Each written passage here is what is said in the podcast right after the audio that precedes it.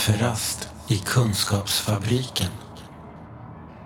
Välkommen till kafferast i Kunskapsfabriken, Nathalie Sundberg. Tack. Hur är läget? Jo, det är ganska bra. Ja. Eh, pigg och glad, väldigt, eh, väldigt eh, nöjd över hur vädret är ute idag. Ja, är och- så sjukt varmt och härligt. Så att det, Ja, just det. Vi, vi tänker att det har inte med klimatförändringarna att göra utan det är bara en Nej. skänk från ovan. Precis, precis. Det, Det- det, är vår på väg. Det är en gåva. Ja, just.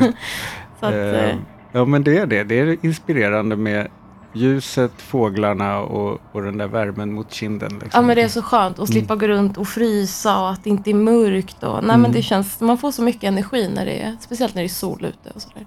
Precis. Då blir jag helt där, solstråle själv. Vad härligt. Mm. Ehm, ja, varför har vi bjudit in dig till podden? Det finns nog flera anledningar. Du är Hjärnkollambassadör Precis. och du är Hjärnkollambassadör i Stockholm. Och ingår du i det här som de kallar Unga Hjärnkoll? Eller? Ja, exakt. Ah, hjärnkoll Ung heter det. Hjärnkollunge. Mm. Precis. Och sen så har du redan, trots att du knappt har hunnit vara ambassadör i ett år, så har du hunnit vara med i två projekt som ni har i Stockholm. Mm, Som precis. jag tänkte att vi skulle prata om. Och sen ska vi väl prata lite om dig också. Vad, vad din bakgrund är, inte bara om järnkoll utan om dig. Ja. Ehm, vi kan börja där med skolprojektet som ni hade. Ja. Stanna kvar i skolan. Precis. Eh, ja, det, men det hade vi i höstas och då ehm, var vi ute i flera olika skolor i Stockholm. Mm. Eh, vi mötte alltså, över 2000 elever, hade oli- 30 olika workshops, så att det var ganska intensivt och Mm. jättekul. Eh, och då hade vi det här projektet just för att gå ut i skolor där det, ja, men där det ofta börjar med psykisk ohälsa eh, i ganska unga åldrar.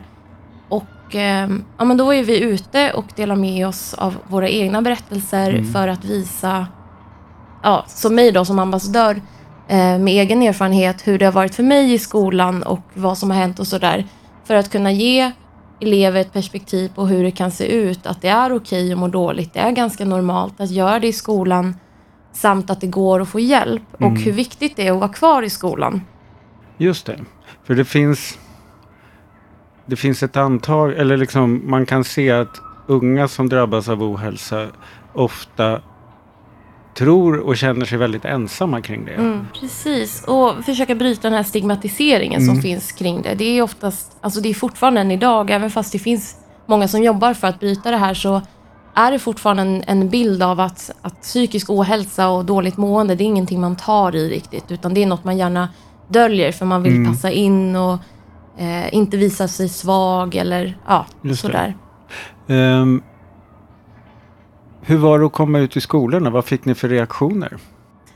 Det var faktiskt jättespännande. Det var superkul. Det var ju otroligt nervöst först. Mm. Eh, för att jag vet att jag tänkte ju många gånger att ja, men hur, ska, hur ska jag bli mottagen? För det här är ungdomar som säkert har liksom eh, upptagna med sina ideal och Mm. i sitt liv och kanske tänker vem är det här som kommer och bara pratar om sina erfarenheter. Pratar om massa eländen. Ja men precis. Ehm, och sen vet jag ju att ja, men, klasser kan vara ganska stökiga, kanske inte lyssnar. Men när vi kom ut så var det liksom bara...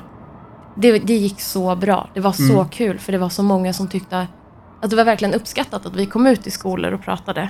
Det var inte alls det här stöket utan när jag väl stod och pratade om min historia då var Mm. det liksom oftast bara knäpptyst i hela klassrummen. Alla var helt inne i det jag berättade. Okej, Ehm, så att, vad roligt. Ja, ja, det var superkul verkligen. Och Mm. det var många som kom efteråt och liksom beskrev att de verkligen uppskattade att vi var där. Och även lärare tackade så himla mycket för att vi kom dit. Så att det var ju verkligen jättevarmt mottagande. Kafferast i Kunskapsfabriken. Vad hade hänt när du var ung och gick i Ja. skolan? Om någon hade kommit och berättat sådär när du var elev? Alltså det hade ju... Jag tror att det i... För mig i skolan, det var ju som, som de flesta andra fall, att man är väldigt isolerad och tycker att man, det är något fel på en och så. Hade någon då ställt sig framför en klass och delat med sig av en massa saker som jag hade kunnat känna igen mig i, då hade jag verkligen kunnat känna, gud, jag är inte ensam. Och säkert hade jag då tagit kontakt med den här personen efterhand och frågat, men vad kan jag göra och sådär Mm. eh, och troligtvis kunnat få något tips och råd om hur jag ska gå tillväga. Eh, för att jag vet att för mig i skolan så kände jag mig otroligt vilsen. Mm. Jag visste ju inte vad jag skulle göra eller vem jag skulle prata med. Eh, och det var inte några vuxna heller som reagerade direkt eller gjorde något konkret. Stannade du kvar i skolan eller blev du en sån där som flydde från skolan när det blev för jobbigt? Ja, jag, kan, ja.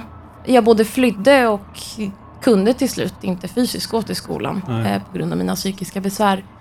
Ehm, men jag hoppade av ungefär vid eh, 14 års ålder. Då går man i högstadiet fortfarande. Precis, det var i sjuan någonstans. 13, 14 så Mm. blev det svårt för mig. Och då hamnade du på behandlingshem och sånt eller? Mm, det började först med att jag slutade skolan och var hemma eh, ungefär ett år innan jag eh, blev flyttad hemifrån. Eh, och då först hamnade jag hos två olika jourfamiljer som jag fick bo hos i väntan på att få komma in till ett behandlingshem. Mm. Så vid 15 års ålder så var det första gången jag flyttade till behandlingshem. Mm. Men sen, och sen fick du ganska lång resa av, av behandlingshem och, och behandlingar. Ja, och, ja. Eh, jag kan säga att hela min resa av psykisk ohälsa, det började ungefär när jag var tio år gammal. Mm. Ehm, tills det... Ja, tills jag eh, blev 21 och livet vände för mig. Så Vad att var det som hände då? då? jag vart gravid. Okej, men det, inte, det kan man inte säga är en behandling mot psykisk Nej. ohälsa. Men i ditt fall Nej. så blev det en, en viktig vändpunkt. Precis. I mitt fall vart det. Det är ingenting jag rekommenderar till andra att bli. Nej, just det, Det- är inte något recept mot psykisk Nej. ohälsa. Varför blev på, alltså, vad hände i dig då, förutom att du blev gravid? Men liksom du, jag gissar Mm. att liksom, vad var, förändrades din självbild eller vad hände med det där? Vad, vad, Ja, det var ganska häftigt för att från att jag liksom levt jättekaotiskt, har varit känslosamt instabil, ehm, jag har självskadat Mm. och missbrukat allt för att hantera mina känslor och när jag väl blev gravid, det var ju otroligt läskigt såklart. Mm. Det, jag var jätteorolig och tänkte hur det här ska fungera. Men samtidigt så vart det liksom ett helt annat fokus för mig. Helt plötsligt fick jag en mening och någonting att verkligen kämpa för som jag kände det här, det här är det viktigaste i hela världen. Ehm, så för mig blev det nästan så att jag, jag fick ett helt annat fokus istället för att liksom hela tiden gå runt och fokusera och känna min ångest och det förflutna, allt jag gått igenom och ja, men, att jag inte har lyckats i skolan eller arbete så blev det liksom nu är jag förälder och nu ska jag göra allt jag kan för att få, göra det bästa för mitt barn. Men är, är det också för att den insikten gissar jag att man måste pendla mellan att känna det som ett alldeles ohyggligt högt omöjligt krav eller går det att känna liksom det uppdraget som liksom en vägvisare och befrielse också på något sätt? Ja, nej men för mig var det verkligen Ja. en vägvisare och en befrielse. Verkligen så här att nej, nu, nu gäller det. Nu kan ja, men, inte jag... ja, just det, och då blir det liksom nästan lätt att välja. Mm, Mm. Det är precis. spännande. Ja. Det som också skulle kunna vara helt omöjligt Ja. att hantera. Sen, sen säger jag inte att det liksom bara vände sådär. Det är inte, det är inte en lätt sak att bara så här av flera års problem bara Mm. bryta det. Men det, vart ganska, det gick ganska snabbt ändå att, att komma tillbaka till livet. Mm. Men det var ju för att jag verkligen kämpade. Jag gick igenom, eh, jag tog kontakt med öppenvården och gick igenom en rad olika terapeuter och läkare för att verkligen trycka på eh, den rätt man har till vårdval. Ehm, att om man inte är nöjd med en läkare eller en terapeut så har man rätt till att byta. Och det gjorde jag när jag kände att nej men det här, det här är ingen bra kontakt. Nej. Eh, Och, och i och med att du då väntade barn så var det viktigt att se till att det hände. precis. Så, ja, just det. precis. Hade du en tydlig diagnos och något att jobba med? Liksom, eller var det, var det väldigt förvirrat allt det där också? Ja, det har varit väldigt förvirrat. Eh, Under hela min uppväxt så har jag hela tiden blivit utredd för olika diagnoser och man vet inte och inte kommit fram. Men man, man har alltid hela tiden haft ett hum om ehm, eh, emotionell instabil personlighetsstörning, tidigare kallat borderline. Mm. Eh, Vilket är en väldigt svår diagnos att sätta för att speciellt under 18 års ålder när man går igenom en utveckling och tonårsfaserna så kan det vara svårt att veta vad som beror på vad. Ja, just det, att vara ung är att vara emotionellt Ja, men- instabil också. Precis, ja. Ehm, nej, så att vid 18 års ålder så efter det så fick jag faktiskt den diagnosen. Mm. Men det som är svårt med just den diagnosen är att man, man medicinerar gärna eh, symptomen men man har liksom ingen direkt så här, det här fungerar för den här diagnosen, nu vet vi exakt vad vi ska göra. Mm. Så att det, var, det är ju väldigt svårt. Ehm, Ja, jag, när jag har följt olika såna här chattforum på nätet och sådär, när man ibland pratar om det där, då är det ju många som har upplevt att den där diagnosen har man fått lite för att folk tycker att man är jobbig generellt. Ja men, ja men typ, det är så här, vi vet inte vad det är för fel på dig så att nu, nu sätter vi den här för du, du Ja, är bara det. Och så, som jättejobbig. du säger, och tveksamt om man egentligen får för slags behandling för Ja. det. Eh, Och ganska många som har haft den diagnosen har också, som du också beskriver, haft många andra diagnoser på vägen. Mm. Och kanske också fått flera andra efteråt. För att det, Ja, jo men precis. Jag har fått på mig massa olika diagnoser under åren. Eh, man kan säga att, att eh, borderline är lite som gott och blandat på sig. Man, Mm. man har liksom en, en grund till instabil, alltså att man är skör känslomässigt och sådär. Man har vissa milstolpar. Mm. Men sen kan man liksom uppleva massa olika saker av Mm. andra eh, som kan klassas inom andra diagnoser. Vilka av alla diagnoser du har fått tycker du att du känner dig mest hemma i idag? Alltså det är ju Det framförallt eh, emotionell instabil personlighetsstörning eller borderline. Då. Är den också till en hjälp att du har den då? Att du kan förstå dina funktioner eller funktionssätt? Ja. Det, det är ganska skönt faktiskt och eh, att kunna ändå så läsa. Alltså man, allting stämmer ju inte in helt och hållet. Det är olika grader på saker och ting. Mm. Men det är ändå skönt för när man läser om det så kan man ändå förstå. Ah, okej, nej men det här är ju inte helt okänt. Nej. Ehm, det finns nog en förklaring för det här och ja men det här Ja, nu vet jag hur jag ska förhålla mig lite till det. Att veta att jag Just det. kanske är emotionellt eh, instabil, att jag kan reagera ganska snabbt känslomässigt och ibland Mm. att känslorna styr, men att jag då kan ha det i åtanke och förstå mig själv och Mm. ändå liksom kunna förhålla mig till det på ett bättre sätt. Sen tycker jag så här, även, det beror ju helt på vilken typ av diagnos, men för mig känner jag mer att jag fokuserar inte så mycket på vad diagnosen säger, att hur jag beter mig eller varför hit och dit, utan jag försöker lära känna mig själv Mm. eh, och utgå vem, vem jag är som person. Vad fungerar för mig och vad fungerar inte för mig? Eh, varför känner jag som jag gör? Mm. Eh, har det någon, någon djupare innebörd, alltså att det kan ha varit något trauma från tidig ålder eller något sånt där som jag vet att ja, men det här kanske jag ska arbeta på. Och även känna efter väldigt mycket, var är jag? Orkar jag det här nu? Vad behöver jag? Behöver jag eh, fokusera på att ta hand om mig själv mer nu? Få mer, eh, mer energi?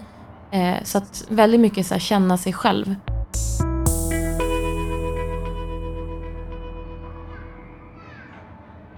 Det andra projektet då? Eh, Våga prata heter det. Ehm, och ja, det har vi ju för att eh, komma ut i media och Och då social media. precis social media. Mm. Eh, för det är ju så mycket kring Facebook, Instagram, väldigt mycket det här hur man ska se ut och hur många likes man får och där bygger ju också ännu mer press på ungdomar som är mycket ute på de här ehm, plattformarna. Ja just det, att det blir någon slags jämförelsetävling väldigt Hela mycket. tiden, ja. Mm. Och därför så har vi startat det här projektet för att nå ut till ungdomar, framförallt. Det här är fokuserat till ungdomar. Ehm, för att visa att nej, det behöver faktiskt inte vara så himla perfekt.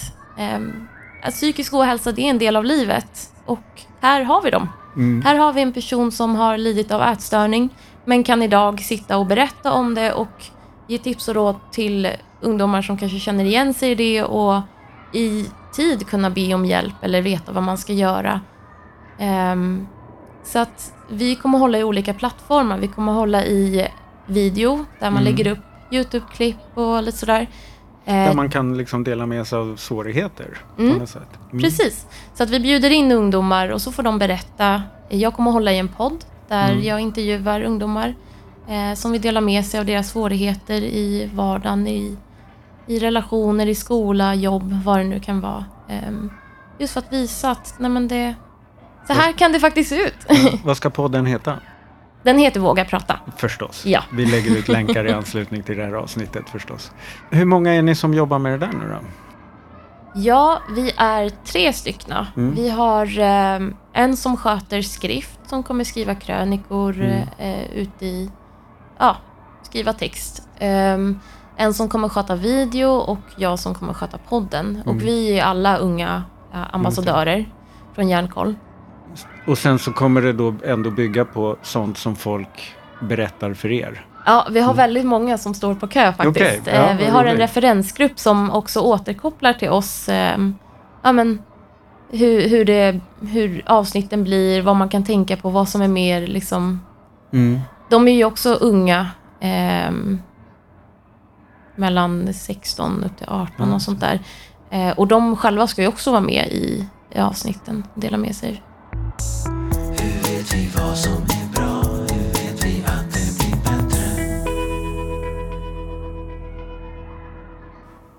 Tänkte på en annan grej eh, utifrån det här du berättar när du var runt i skolan och även det du gör med podden och sådär och det här med att vara järnkollambassadör som Mm. jag tycker är väldigt spännande. När man är ambassadör så bygger ju det på att man har kommit en bit själv i sin egen resa och liksom Mm.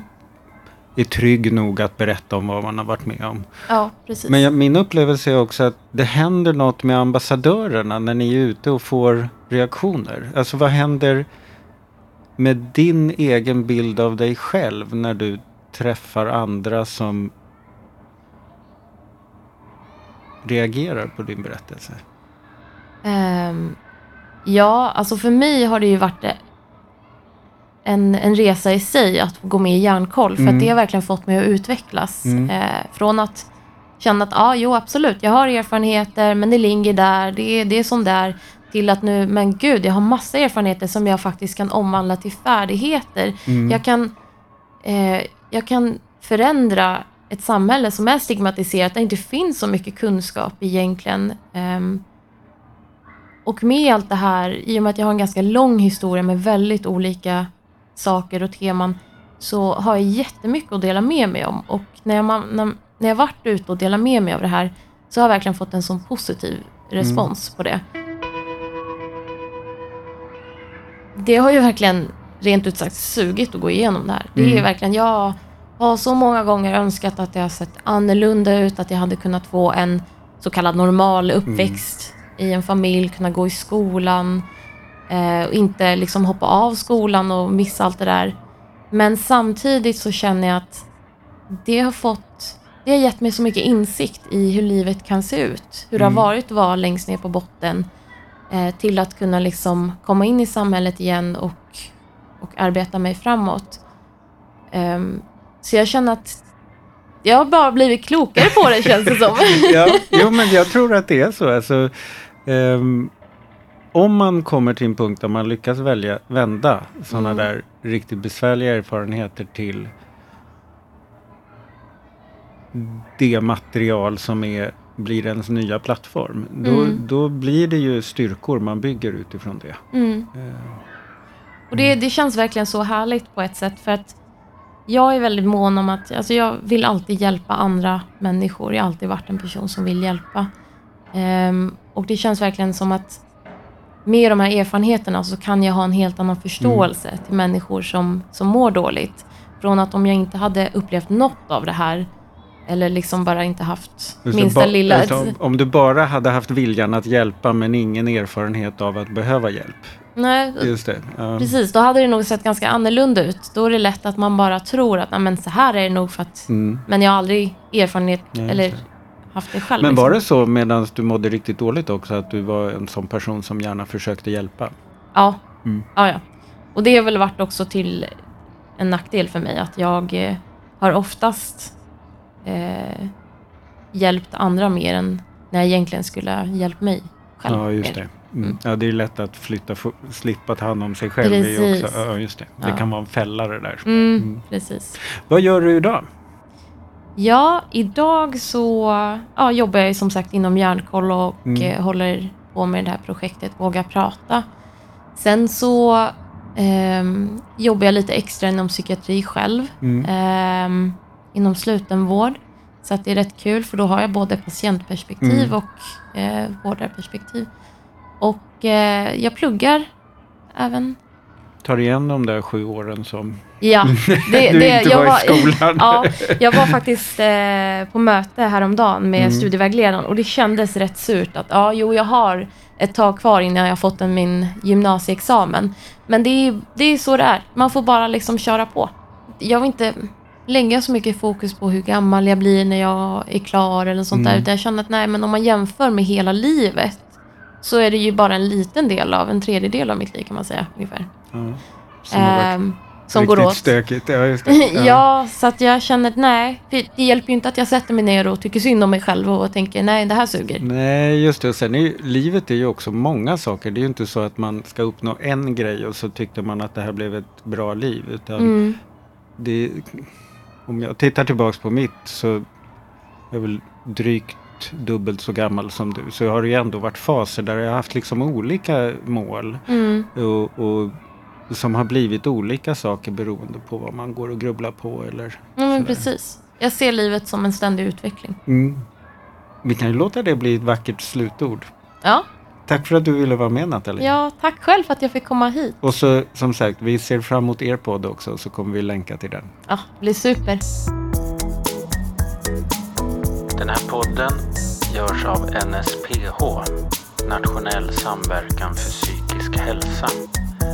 Läs mer på vår hemsida www.nsph.se eller följ oss på Facebook. Kafferast i Kunskapsfabriken.